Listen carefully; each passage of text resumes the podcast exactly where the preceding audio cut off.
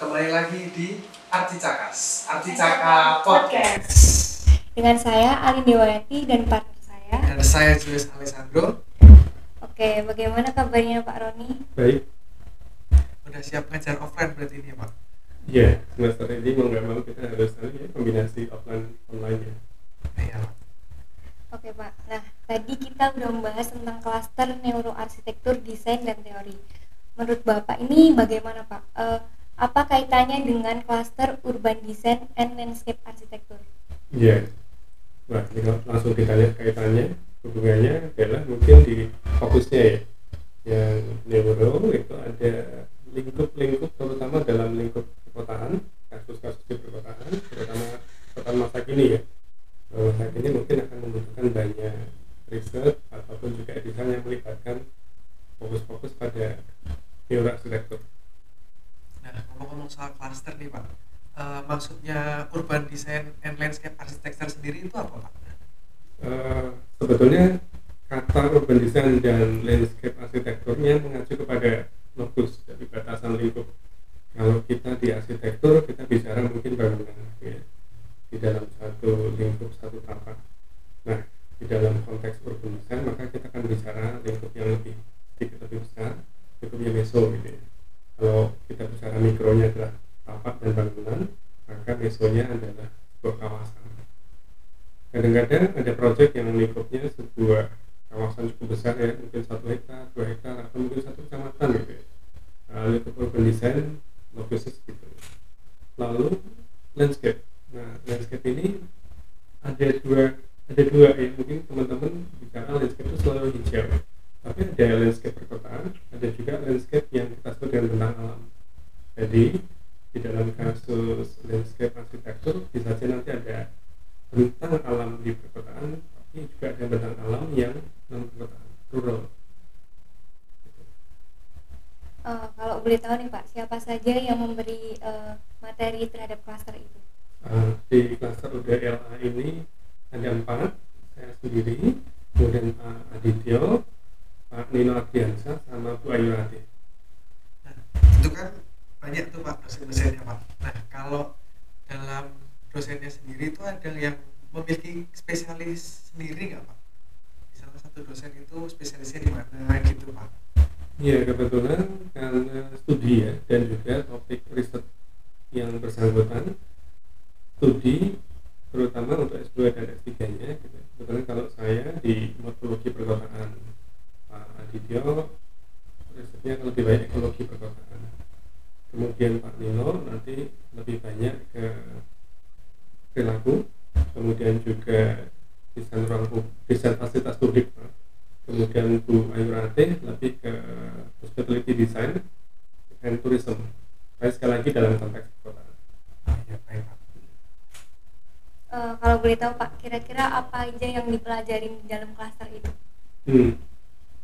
Em, pengkhususannya adalah isu-isu yang ada di dalam lingkup meso itu mungkin agak luas gitu ya dibanding dengan isu-isu yang mikro misalnya pada saat melakukan analisis tapak untuk konteks arsitektur. Maka di dalam urban design analisisnya akan analisis kawasan. Nah perspektif analisis inilah yang mungkin akan saling melengkapi sebetulnya ya tidak tidak kemudian arsitekturnya lepas. Karena yang membuat itu dekat sekali dengan arsitektur adalah urban design produknya tiga dimensi. Bukan dua dimensi seperti urban planning nah dengan produk tiga dimensi ini kita harus mendesain. Tapi dalam lingkup meso ini kan tadi kita udah ngomong-ngomong tentang eh, kenapa ada klaster ini kan Pak. Nah, sekarang itu saya mau tanya eh, maksud dan tujuannya klaster ini dan seperti apa gitu Pak untuk kita. Nah, baik.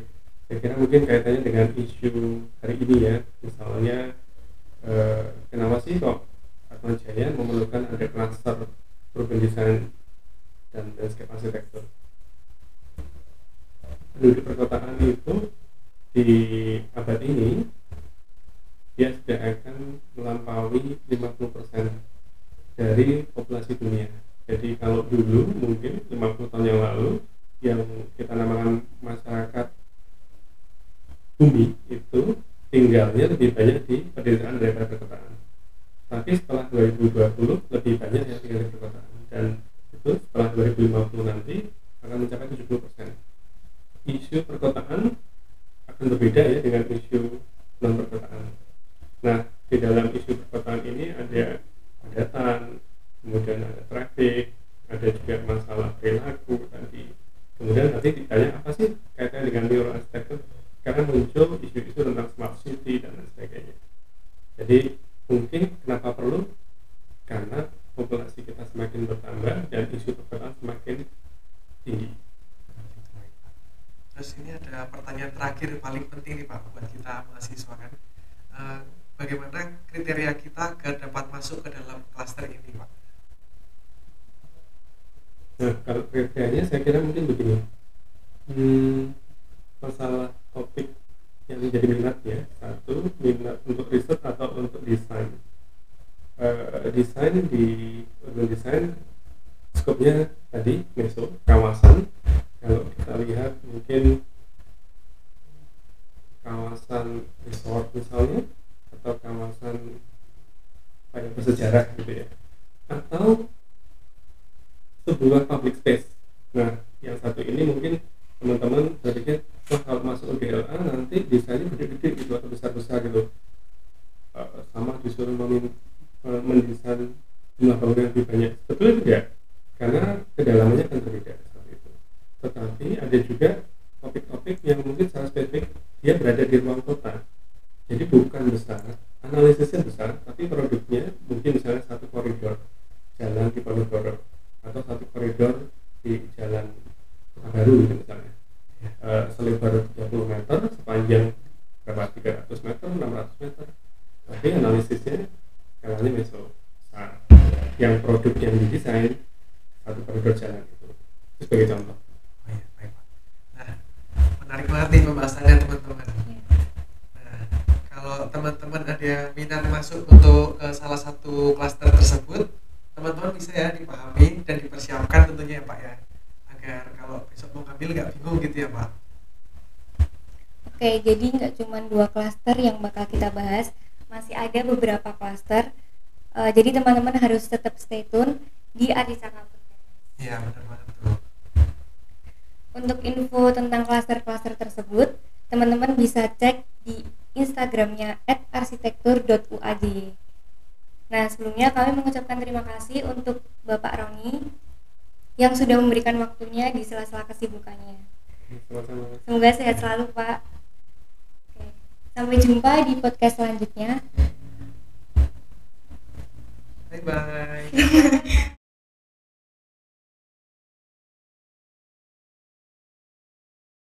Kembali lagi di Arci Cakas, Arci Caka Podcast. Dengan saya Alin Dewayati dan partner saya. Dan saya Julius Alessandro. Oke, Jos. Gimana kabarmu, Jos? Baik Lin, kalau kamu gimana Lin? Baik juga, Jos. Kamu liburan ngapain aja, Jos? Liburan ya tambah-tambah ilmu sedikit lah. Apa nih? Apa nih contohnya? Eh, bela- belajar Revit. Oh, belajar belajar Revit. Oke, oke. Berarti udah pro. belum? Lu baru belajar. Di sini kayaknya kita udah ada tamu spesial nih. Iya kita sekarang kedatangan Bapak Insinyur Andreas Atmaji, Magister Teknik. Yeay. Halo, apa kabar Pak? Baik, sehat. Nah, siap ngajar offline nih Pak? Iya, ya ini sedang siap-siap. siap-siap. Untuk ngajarnya itu nanti kita eh, semuanya ke kampus? Kalau yang saya tangkap kemarin itu kan misalnya satu kelas isi 50. Maka yang diperkenankan masuk itu kan per kelas ada batasnya itu ya. 20 atau berapa itu? 25 sepertinya, Pak. 25 Iya, ya. ya. Nah, 25 masuk ke kelas. Kemudian yang 25 yang lain itu di di rumah. Jadi Oh. daring seperti yang kemarin itu. Kita berdua nih nggak pernah ke kampus Iya, Pak. belum pernah offline Oh, ke iya. kampus. Karena Iya. COVID Ah. kan, jadi di rumah. Iya.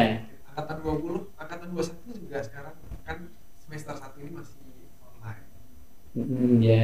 Nah, Jadi masih agak bingung tuh, Pak masuk ke kampus mulai dari mana. Iya. Ini kita pertama kali nih Pak ke kampus Pak. Oh gitu. Iya. Saya juga kok. Oh Pak juga selama Kemarin kemarin ada bimbingan eh, ini apa eh, mengisi itu apa kegiatan-kegiatan kita per semester itu dosen-dosen itu untuk bikin laporan. Iya. Nah, ngomong-ngomong soal klaster nih Pak. Hmm. Nah, kita tuh kan sekarang bersama Bapak kita mau membicarakan tentang klaster and settlement Pak. Hmm. Nah, eh, kita mungkin mau menanyakan Pak, housing and settlement sendiri itu apa sih Pak sebenarnya? Yeah. Housing and settlement. Jadi kalau kita melihat eh, katanya ya, arti kata itu adalah ya berkisar tentang bagaimana kita bermukim. Jadi kalau ada urban itu kan lebih global, ya lebih umum. Di dalam eh, urban itu kan ada bagian-bagian yang fungsinya sangat-sangat banyak begitu. Nah, settlement housing itu termasuk dari bagian itu. Nah, maka sebenarnya kalau kemarin atau tadi pagi ya, Pak Roni itu tentang urban and apa ya, landscape ya mungkin ya. Ya. Nah, itu sangat sangat erat berhubungan kalau yang dengan Pak Roni. Mata kuliah yang kita cobakan kemarin itu adalah desain eh, landscape dan perkotaan kalau yang kemarin.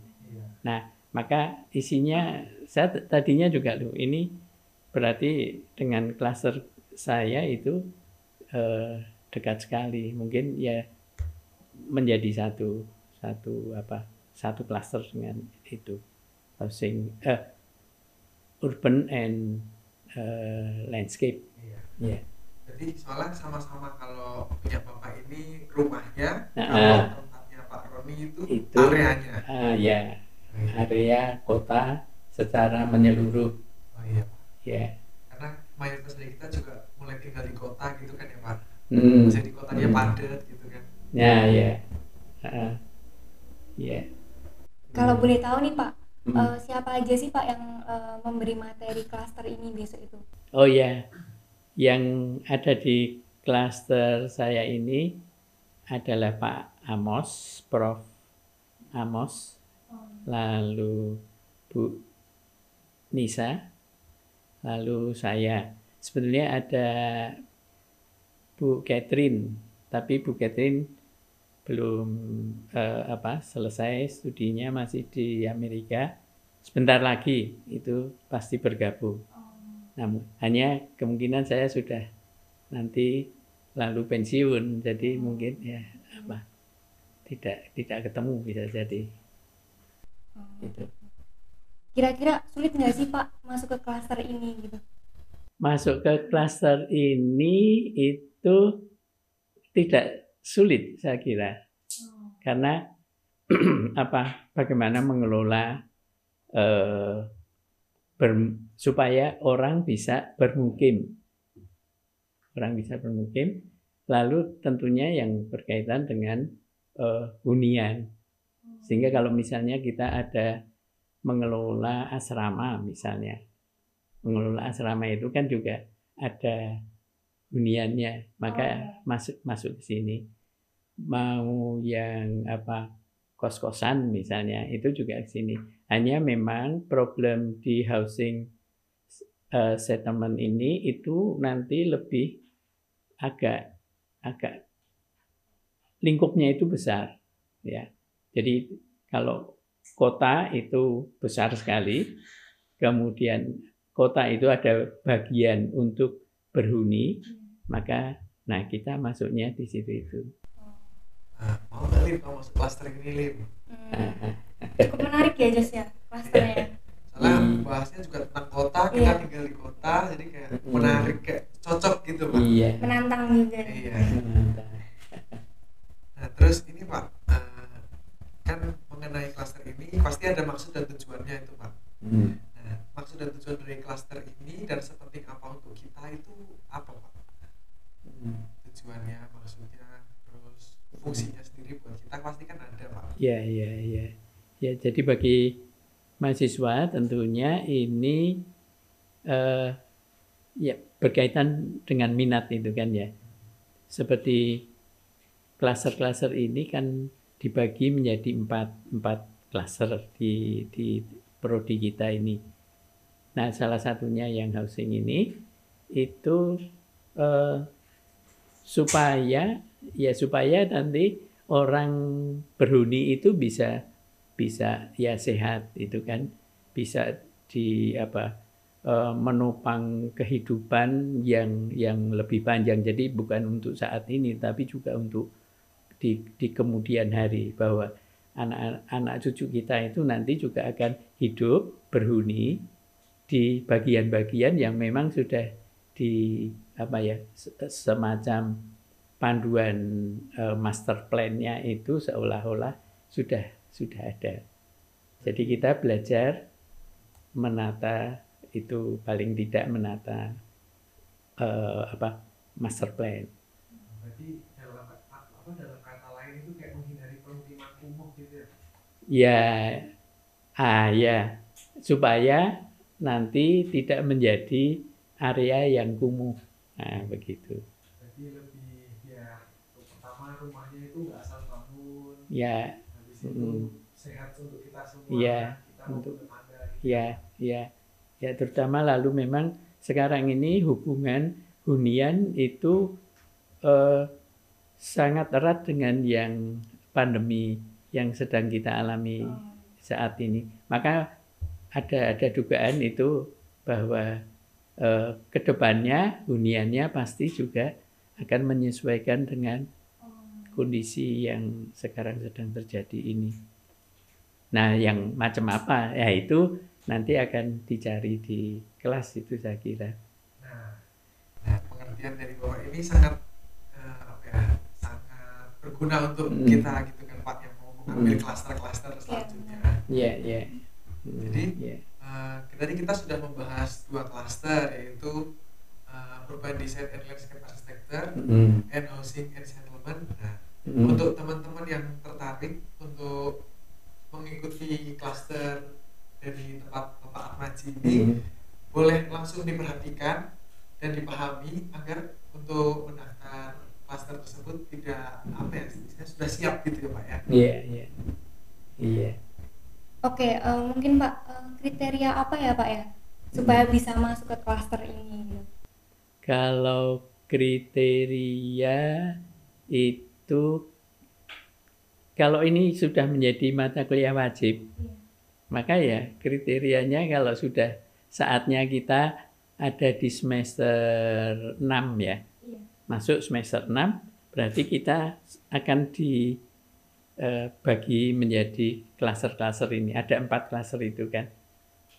Nanti kalau kamu sudah memilih salah satu klaster di eh, empat ini, itu nanti masuk semester 7 itu akan melanjutkan. Di sana yang eh, membuat proposal eh, tugas akhir. Ya, tugas akhir. Nah, tentu menguasai sekali karena itu sudah dipelajari di semester 6. Ya kan? Semester 7 bikin proposalnya lalu studio. Berarti ada hubungannya sama skripsi gitu nggak Pak? Ah iya. Ah, jadi dulu namanya skripsi. Nah, sekarang lalu kemarin berkembang menjadi eh, namanya membuat landasan konseptual ya, konseptual perencanaan dan perancangan arsitektur. Maka sebelum ini kemarin namanya LKPPA landasan konseptual perencanaan dan perancangan arsitektur. Kemudian dibenahi lagi, lalu eh, semester 7 membuat proposalnya saja. Semester 6 membuat ini tadi, mewadahi minat-minat itu tadi. Jadi kalau nanti tugas akhirnya arahnya mau pengen tentang eh, penataan pemukiman, maka ya masuknya ke klaster ini gitu. Terus untuk mahasiswa-mahasiswa nih, apa sih Pak yang perlu dipersiapkan Pak? Hmm. Apa yang misalnya harus mempelajari dasar apa gitu Pak untuk masuk ke klaster ini? Iya, kalau eh, klaster ini itu karena housing settlement, maka kan orang tinggal. Orang tinggal itu kan berarti banyak sekali. Banyak sekali itu kan lalu biasanya ada unsur eh, apa budayanya gitu kan ya.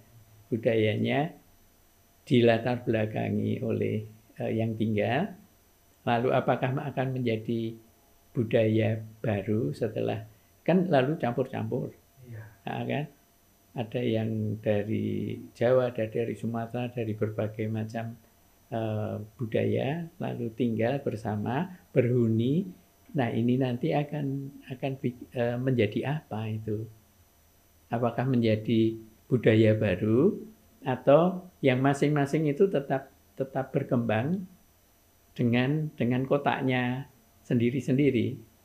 Nah itu termasuk bagian yang yang mungkin ya apa ya eh, kita nanti ke sana. Jadi persiapannya ya soal minat itu tadi. Jadi minat bermukim, minat menata budaya, sosial budaya. Berarti permukiman tetap ada hubungannya sama budaya masing-masing gitu ya Pak? Iya, iya. Oke Jas, mungkin kita kayaknya kepo deh. Ini tuh uh, hmm. kalau kita ngambil kelas salah satu hmm. klaster ini itu bakal mempermudah skripsi kita bisa nggak Pak? Eh, pengambilan atau pemilihan klaster ini itu nanti memang berakhir pada pembuatan uh, ini, pembuatan uh, proposal studio tugas akhirnya. Ya jadi kalau sudah minatnya ke neuro architecture misalnya wah ini nanti semester 7 pasti sudah diarahkan untuk membuat proposal tentang yang berkaitan dengan neuro tadi fokus pada satu klaster ya oh. fokus pada satu klaster nah, ini membantu sekali kalau dulu kan disebar bebas yeah. mau pilih siapa saja yeah. itu Jadi lebih mempermudah mahasiswa yeah. gitu ya Pak? Uh, ya menggiring sebetulnya ke daerah-daerah yang menjadi minat Iya, baik Pak. Oke. ada lagi Uh, mungkin gimana Jos? Cukup menarik ya pembahasannya tadi, apalagi uh, dicampur budaya nih. Kita kan Indonesia nih budayanya Hmm. banyak kan. ya Jadi harus benar-benar pandai. Kita sebagai arsitek harus pandai meleburkan budaya-budaya menjadi Iya. satu gitu ya Pak. ya ya walaupun sebetulnya itu ada cluster yang eh, culture and tourism itu history and eh, heritage itu juga Oh, eh, apa budayanya juga kental itu ya Oh iya. tapi ini lebih me- apa memfokuskan pada bagaimana orang berhuni itu Wah, menarik ya Jas. Iya, menarik banget sih. Iya. Mulai kalau di Jogja itu kasnya joglo ya. Ah, itu kan eh, nggak nggak nggak bisa dibiarkan itu. Artinya bahwa joglo ini kan salah satu produk ya, produk yang ada di Jawa yang yang ya, apakah lalu tidak bisa menerima konsep-konsep yang baru.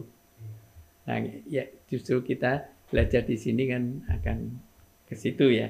Jadi bah- bahwa kalau kita budayanya Jawa oke, tetapi outputnya nggak nggak harus joglo gitu kan. Iya. Mungkin udah cukup ya Jas ya. Ya, Udah. cukup. bener-bener cukup, jelas gitu. jelas sekali penjelasannya. Iya. Jadi nggak cuma dua klaster ini yang kita bahas teman-teman. Nah masih ada beberapa klaster lagi. Jadi teman-teman harus stay tune di Arcisaka Podcast. Hmm, hmm, Untuk info tentang klaster-klaster tersebut, teman-teman bisa cek di Instagram @arsitektur.uad. Nah, sebelumnya kami mengucapkan terima kasih untuk Bapak Atmaji yang Hmm. sudah menyempatkan waktunya. Ya, sama-sama. Terus semoga sehat selalu ya, Pak. Ya, kamu juga sehat-sehat. Ya. Sebentar lagi datang ke kampus. Terima kasih ya Pak. Sampai Iya. ketemu di kuliah offline ya Pak. Oke, ya. Sampai ketemu. Sekian dari podcast kita. Terima kasih. Bye bye.